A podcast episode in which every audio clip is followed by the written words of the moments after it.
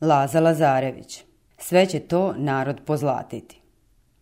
I sumrak se poče hvatati, a lađe još nema. Svet koji joj je čekao poče se razilaziti. Ode i dečko s crnim zemičkama i kapetanicama s bajatim licem. Odoše i oba praktikanta s Markom Stolarom, savladivši se najpre s gostioničarom što im je točio još prošle srede otvoreno pivo. Pođeše i kočijaši nudeći se da po dva groša voze u varoš, ali većina radi apetite ili opružanja nogu ode pešice, zametnuvši prut na rame, a palac oko leve ruke za špag od pršnjaka. Ni žena Marinka, magazađije ne htede sesti u kola, već pođe sa svojim malenim društvom pešice, okrećući čas po leđima onima s kojima je govorila i to ne iz nepristojnosti, već prosto zbog tepeluka koji tako bezazleno blistaše, kao da je zajičar procvetao, a kroz knjaževac protekla reka od mleka. Sunce se beše rasplinulo u dalekoj prekosavskoj ravnici i samo još povrh mesta gde ga je nestalo pružahu se u nebo dugačke svetle beličaste zrake, kao da je otud sa zapada pomolilo neku grdnu šaku s raširenim i na gore okrenutim prstima, upravo onako kako to prave dobri i rđavi moleri. Sava, koja je bila tako opala da je se gotovo na svakom mestu mogla gaziti, sanjivo oticaše, odbijajući slabačak crvenkast refleks od oblačaka povrh nje. Za malo još i svet se sasvim raziđe. Osim slugu i činovnika parobrodskih na obali stajahu još samo dva čoveka, jedan u fesu i čakširama, drugi u mundiru i mamuzama. Onaj u fesu, Blagoje Kazanđija, Ceo dan nestrpljivo hodaše, svaki čas zapitkivaše koga poštogod, obrtaše se neprestano kao da ga cijela snaga svrbi pa ne zna odakle da se počne češati. Ulažaše u staničnu gostionicu i čisto kao da će odocniti usplahireno istrčavaše ponovo napolje, upirući pogled daleko preko mirne save. Njegovo lepo izbrijano čisto lice s lakim površnim borama, nalik na one oblačke na ćelibaru, sa sedim zolufima i brkovima staješe nekako u kontrastu s malenim plavim vedrim očima koje živo, pa ipak s pouzdanjem skakaše s jednog predmeta na drugi. Čibuk je neprestano držao u zubima paleći lulu i stresenim kokicama. Svaki čas je zapitkivao i momke i agenta. Što nema lađe? Da li ima kakva depeša? Je li voda tako mala? Vuče li kakvu teretnicu i tako dalje? Na što mu i momci i agent s urođenim gospodstvom stranih državljana vrlo ukratko i osorno odgovaraše. Kapetan pak, po imenu Tanasije Jeličić, stajaše gotovo ceo dan na jednom mestu, podbočivši se na sablju. Lice mu beše okrenuto strani s koje lađa dolazi, a oči umorno i nestalno bludiše oko toga mesta, kao ona sasvim izdubena glavčina oko jedene osovine. Na njegovu licu ne beše onoga heroičnog izgleda koji se kad što viđa i na pensionovanim podpukovnicima, pa ipak ono te opominje na omarinu iza koje se diže oluj, odleću i ćeramide s kuće i kape s glava. Punački maleni, s obe strane postriženi brkovi, malen ali podebeo nos, osrednje smeđe oči, rehave obrve, okrugao obrijan podbradak i čisti masno žuti, ali ne mršavi obrazi, mala usta s poverljivim konturama, velike ruke, aljkava uniforma, a kao sneg bela košulja i kao mleko čista sablja. Sve to izdavaše gospodina i gejaka, čoveka od koga iščekuješ da zna aranžovati kadri ili očistiti ostricu, a opet te ni malo ne bi iznenadilo kad bi on okrenuo dami leđa, obrisao nos salvetom ili čak zabo viljušku u loku mićem. On dakle stajaše, a kazanđija se neprestano vrtijaše. Na posledku, kad mrak stiže pre lađe i ne moga dijaše se videti ni zlatan pervaz na agentovoj kapi i njih se dvojica pokunjeni vratiše u mehanu. Nema je pa nema, reče Kazanđija ljutito kao čovek kome ne ide karta. Nema je, reče i oficir, ali mirno, kao periodičan činovnik koji zna da posle pet godina mora doći klasa. Što li Bože, reče opet Kazanđija, valjda, ta da, ovde i nema turak, a lađe se valjda i ne može bobandirati. Kapetan ćuti. A koga vi čekate, upita opet Blagoje. Ženu. A ja sina, ranjen je. On se malo strese, brzo stade i stresati skoro punu lulu i ponovo je napunivši i paleći nastavi preko čibuka. Ali lako, sasvim lako. Pisao mi je njegov drug Jole. Ovde i ovde. On rukom pokaza sasvim neodređeno, najpre preko leve plećke, pa onda duž cele desne noge. Samo ga okrzlo. Otpuštenje kući iz bolnice da se popravi, pa posle u ime Boga opet. I treba. Treba goniti Peksijana. Samo nek nam je Bog u pomoći. A šta vam je sine? Reče kapetan počinjući učestvovati u istoriji Kazanđinoj. Moj sin, Kazanđija, eh da vidite kako taj radi. U njega ruka vidite ovde deblja nego u mene noga ovde. Ja sam zbog ovih oskudnih vremena prodao sve što sam imao. Šta će mi? Samo sam alat ostavio.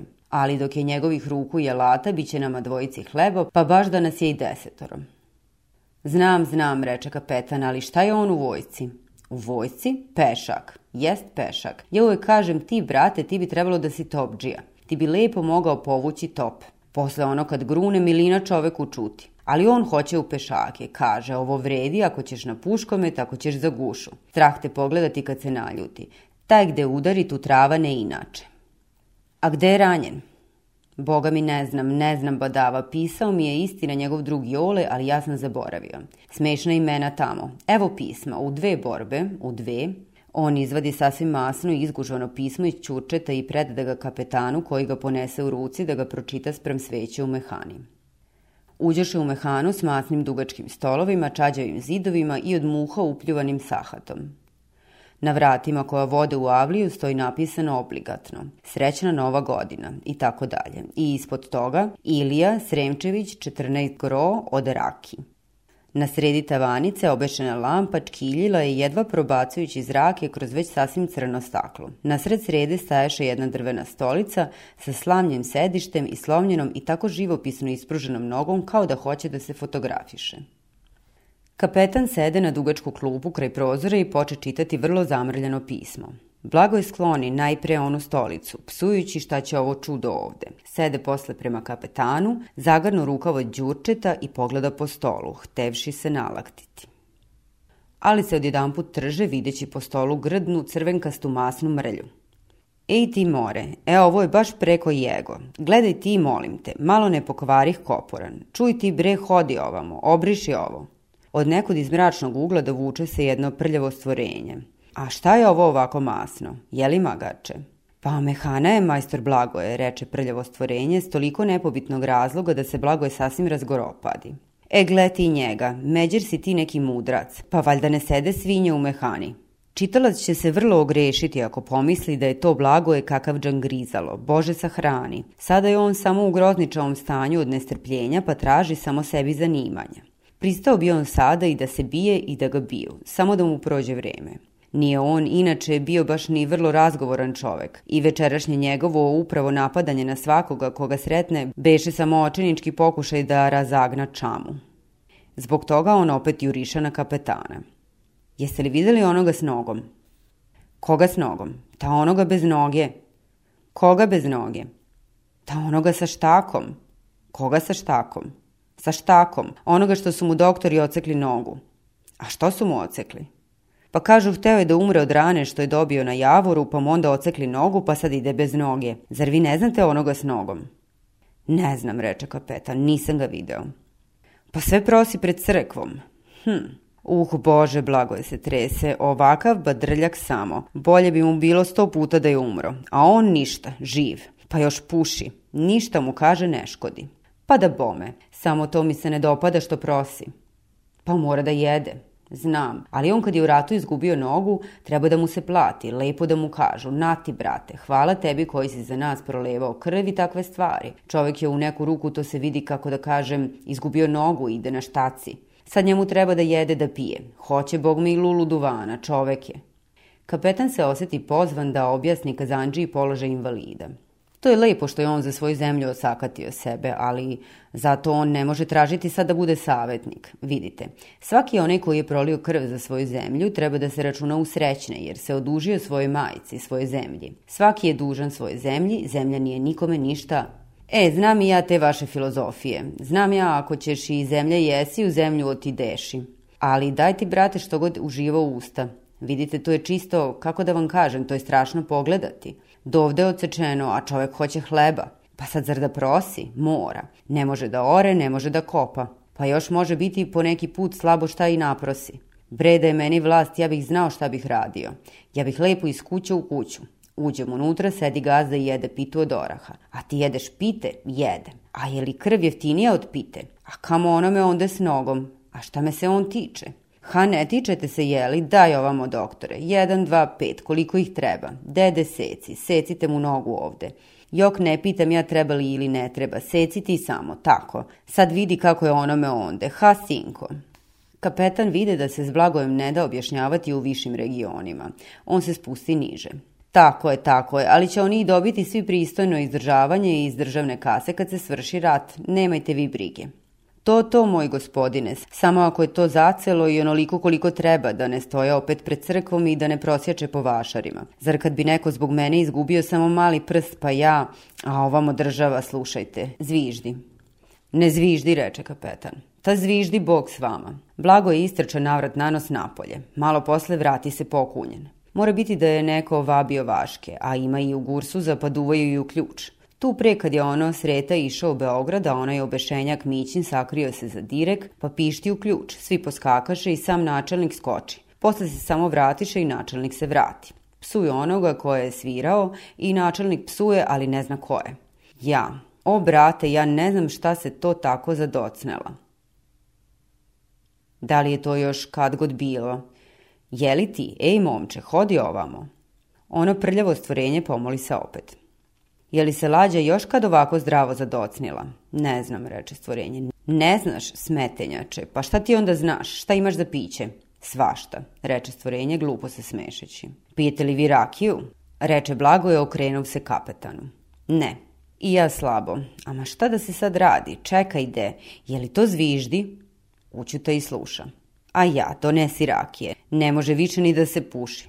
Već mi srce pocrne od duvana. Pi, ta ovo je neka šoma parna, pipi, pošto istrese polić kao da mu oči malo oživeše i ceo izgled dobi mirne odsutnosti. Ala mi je i to lađa. Sančim ona ide brže od kola. Da je čovek seo na kakvu mu drago mrcinu, gde bi bio do sada. Piha, šta velite na dobrom konju? Svi konjički oficiri vole da govore o konjima, pa ma to bilo i s kaluđericama. I našem kapetanu čisto senuše oči. On je izvesno mislio na kakvog Arapliju kad reče za osam sahata. Za osam bogami. Reče Blagoje kome je ova pristrasnost išla u račun.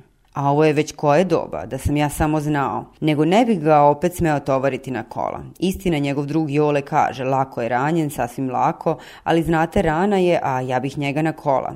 Eh, kakva je bila u mog majstora Kobila. Ej ti, slepi mišu, donesi još rakije. Kobila kao srna, pa samo ovako savije glavu.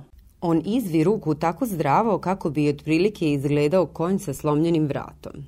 Ama zar ti nemaš bolje rakije? Ej ti pupavče, kaži gazda Davidu da ja ištem rakije. Dobre, kaži gazda Blagoje. Ovako savije glavu. Ama tu trebaju ruke, da puknu vukući. Ona kad trči pa sve ovako, on turi glavu među noge, a ja drži, drži. Pa na posledku kad ništa ne pomaže, a ja stog ili u tarabu u zid gde stignem. Ništa ona pod nagim bogom ne vidi, samo kad jedan put uhvati huk. A ja u plot, pa kad lupi glavom, ja mislim ode dođe vola i ona i ja, i kola i sve. A ono ništa. Pa posle još ide mirno kao buba. Ali niko drugi nije umeo s njom kao ja. Kalfa Vidak išao je jedan put po bakar na Savu, a ona samo ovako. Ona opet turi glavu među noge i ispruži bradu kao da mu je džem u ustima. Vidak ispusti uzde pa legne u kola, a ona se preko čagrća pa po jendecima pa trči, pa trči, pa trči, zvoni. Jel te da zvoni? Da platim. Ona opet istrča napolja, ali kad se vrati, na njegovu licu beše nestalo nestrpljenja i glupa veselost levaše iz očiju na koje, po izrazu mojih zemljaka, već počinjaše curiti rakija. Kakav je to konja upravo kobila. Majstor metnuo jedan put jedan sanduk, ovako voliki, ne znam šta je hteo a ona džemna zupa ovako. Pa kako je letela onako u avliju. A kola zakače, pa stražni točkovi ostanu pred kapijom, a majstor u kapiju, a sanduk njega po glavi, a prednji točkovi kod ora, a kobila pred kuću, a mi umremo od... od... Ama šta su ti ogluvele ove žigice? Daj jednu žišku.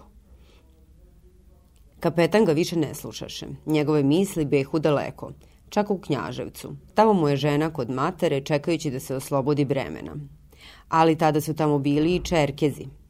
Užasne kombinacije sevaše kapetanu kroz glavu. Sva varvarstva koja su počinili ovi ljubimci Evrope slikahu se živim bojem u njegovim mislima. A povrh svega staješe desperatna neizvesnost, jer od kako je pošao u rat samo je dva pisma od žene dobio. U oba mu pisaše da će doći čim se porodi i digne, ali od poslednjeg pisma beše prošlo već pet nedelja, a Turci došli na Tresibabu, a Čerkezi ruše njegovu kuću i pale mu postelju na kojemu možda leži žena. Pa ipak je on iščekivaše. Ima u čoveku jedna žica, lažljiva kao slučaj, pa ipak je zovu predosećanje. Kogod igra na lutriji, taj pri svakom vučenju ima predosećanje da će dobiti. I nikada se ne čudi po svršenom vučenju kako ga je prevarilo to predosećanje. A udarili samo jednom i na njega slepa sreća, on ceo svet uverava da je znao da će dobiti, jer mu se baš sve tako činilo i nikako drugčije. I kapetan Tanasije već treći put uzam I kapetan Tanasije već treći put u zamance dolazi čak s pozicije na lađu s teškom mukom izmoljavajući dopuštanje od komandanta, jer mu se sve činjaše da ga danas neće prevariti slutnja. Ali evo baš u ovaj par učini mu se da ni sama lađa neće više doći. On postade nestrpljiv kao i blagoje. Prevrtaše misli da prosije iz njih ono što je crno. Ode u Knjaževac gde se je rodio, uđe u svoju kuću, sede pod orah koji je posađen onda kada se kapetan rodio, a koji sada na svojoj periferiji nosi suhe grane. Tu sahrani oca i mater, tu preko puta zamilova devojku, tu uz kuću odnese kumu limun i poziv na prsten. O kako mu to beše drago sve.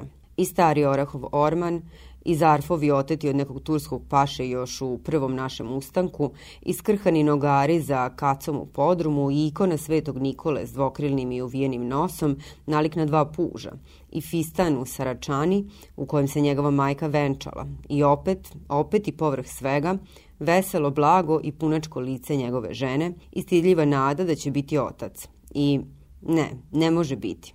Tako su i Turci nisu zverovi. On se potrlja po čelu, htevši razgnati ove misli. Majstor je i bog zna kako, rad bio je da se oždrebi. Nastavljaše Blagoje gledajući neprestano u mesto na kome je kapetan još pri početku sedeo. Da bome, jer to je hala, nije konj. Ali eto tako. Kapetan ga mirno slušaše kao onu šetalicu na sahatu. Ni ona, ni Blagoje, ni malo mu ne smetaše da dalje nastavi svoje misli. Opet je na starom mestu. Opet plamte kuće i po ulicama leže nagrađene lešine. Tek oko ponoći on se izvali na klupu kraj prozora, bacviši najpre još jedan pogled na lampu koja sve slabije svetlješe i sve grđe smrdijaše, a na blagoja koji hrkaše, turivši glavu među nogi i pruživši obe noge napred, kao da drži uzdice. Zaluce kapetan mučio da svede oči, sa njegov behu okupili čerkezi. Tek u samu zoru kao da malo pridrema, a tad se začu kroz mrtvu noć ravnomerno lupanje točkova i uzvikivanje onih što mere vodu s prednjeg kraja lađe. Pa onda pištaljka stade buditi uspavanu poslugu na staničnoj lađi. Kapetan skoči, sablja mu se otište i sa zveketom lupio zemlju. I blago je se trže. Nećeš bre, reče on i kao da ponovo povuče uzdice i ponovo zaspa. Kapetan istrče napolje u sveže jutro. Jedva je disao. Neiskazan strah vladaše njime. On utrg dotrča do stanične lađe. Dok opa bače nalac lađe koja dolaziše i stade je vući sebi. I tamo da zametne uže na kazuk, a u gomili sveta opazi jednu ženu koja izdiže više glave dete u povoju. Kapetan baci uže momcima koji se čudiše njegovu poslu, zanese se i malo što ne pade u vodu. I kad mu žena u onoj tišmi u guranju pade na prsi i predade mu sina, prvo suze pa onda poljuci počeše padati na punačko detence koje se ni malo ne srđaše na svog do sad neviđenog oca. I žena je plakala, to se već zna. I druga jedna postarija žena iza nje i bez toga ne ide. I najzad i detence od totanji. Oni brzo pređoše preko mosta i skloniše se u stranu, praveći mesta drugim putnicima koji se guraše zajedno sa svojim prtljazima da još ne beše ni jednog kočijaša ni nosača. Kapetan htede mnogo što šta pitati ženu, ali nikako da otpočne. Na posledku mu se odreši jezik. Međer, ti si živa. On je uhvati i steže za mišicu, kao htevši se uveriti. I ovaj mali, ti, ti, vojnič, a šta ti jako je, šta nisam mislio. Bože, Bože. On obrisa lice rukavom i držeći dete nastavi. Znao sam, zacelo sam znao da ćeš doći. Tako sam baš u dlaku računao. A Nana? Tek u taj par on ugleda onu stariju ženu i potrčao je ruci. Hvala Bogu samo kad ste svi živi i zdravi, kad je sve dobro. Stara žena briznu u plač. Daleko smo od dobra, moj sinko. Ostado smo bez kuće i kućišta. Kapetana kao da neka ledena ruka ščepa za srce, ali ta ruka isto tako naglo popusti, jer on u isti mah opazi kako se preko ćuprije kreće jedan čovek u prostom vojničkom modelu, a bez desne noge i leve ruke. Ćuti, reče kapetan s užasom na licu. Brzo predade dete ženi pa pritrči bogalju. Pohvati ga rukom ispod miške i pomože mu da zakorači jednu gredu koja se bila isprečila na mostu. Da nisi ti, vojniče, gazda Blagojev sin? Jesam, gospodin kapetane, reče vojnik, sastavljajući nogu i štaku i dotaknuvši se po vojnički kap. Ali ga štaka izdade i on se pridrža za jednu gospođu s kučetom i zembilom koja vrisnu i otkoči u stranu. Tu ti je otac, čekaj da mu kažem. Kako beše tek zora i putnici neodlučno stajahu na obali, to i nehotice svi obratiše pažnju ovoj sceni. Kapetan otrča napred u mehanu da probudi Blagoja. Svet se rasklonio u dva reda puštajući invalida, krasnog jedrog momka s muškim licem i žalostivim osmejkom oko usana. Sve beše u njega, i snaga, i zdravlje, i lepota, i opet ničega ne beše. Sve ličaše na razlupanu skupocenu porcelansku vazu. On pođe polako napred. Za njim pristade kapetanica s majkom i detetom, pa onda ostali svet, svi ćutećki kao u nekom svečanom sprovodu. U taj par gologlav blago istrča iz mehane. Kapetan poskoči i dohvati ga za ruku. Stani, on je teško ranjen, zdravo teško. Kako teško? Ko to kaže? Evo, evo pisma. Njegov drug Jole. Zverajući na sve strane, on protrče pored invalida i zaustavi se na kraju publike. Pa gde je? Tata, viknu vojnik milostivno, okrećući se na jednoj nozi i podupirući se štakom. Tata, ta evo me. Blagoje se kao munja brzo okrete. Stade pred sina. Gleda ga, gleda, pa onda tresnu o zemlju. Niko ne mišljaše da ide svojim poslom. Svi priskočiše, poprskaše ga vodom. Dama s kučetom i zembilom turi mu nekakve kapljice pod nos, brzo ga povratiše i digoše na noge. On se prvo obrisa od vode kojom su ga polivali, pa onda zagrli sina, ali tako naglo kao da je se bojao da će mu pobeći. Dugo ga ne pusti. A i kad se odvoji, on ga gledaše pravce u oči, ne smejući nikako spustiti oči u dole gde je nekad noga bila. Hvala Bogu, samo kad si ti živ. Sve će opet dobro biti. Ovo, on rukom napipa štaku, ovo će narod pozlatiti. Jel tako, braća? Svi priskočiše odobravajući. Eto ja, reče kapetan, ja prvi dajem, on stade preturati špagove, ali nađe samo nekoliko krajcara. Ja evo dajem sahati lanac, na. Hvala gospodin kapetane, reče vojnik, isto onako pozdravljajući kapetana. Drži tata, ja nemam ruke. Evo i ja ti dajem moju čilibarsku lulu, vredi dva dukata, reče Stevo praktikant. Hvala braćo, drži tata. Evo ti da kupiš duvana, reče Marinko magazađija i pruži mu nekoliko dukata. Vojnik s mukom pridržavajući štaku skide kapu i podmetnuje magazađiji da turi u nju novce. Hvala, braćo, drži tata. Blago je uze kapu u obe ruke, metnu u nju sahat, lulu i dukate. Narod poče redom spuštati u kapu. Među putnicima beše i braće Rusa sa onom kako oni vele širokom naturom. Oni nemilice davaše. Vojnik se zahvaljivaše neprestano sa hvala braćo, hvala braćo, ali mu glas postaječe sve više i više zagušljiv.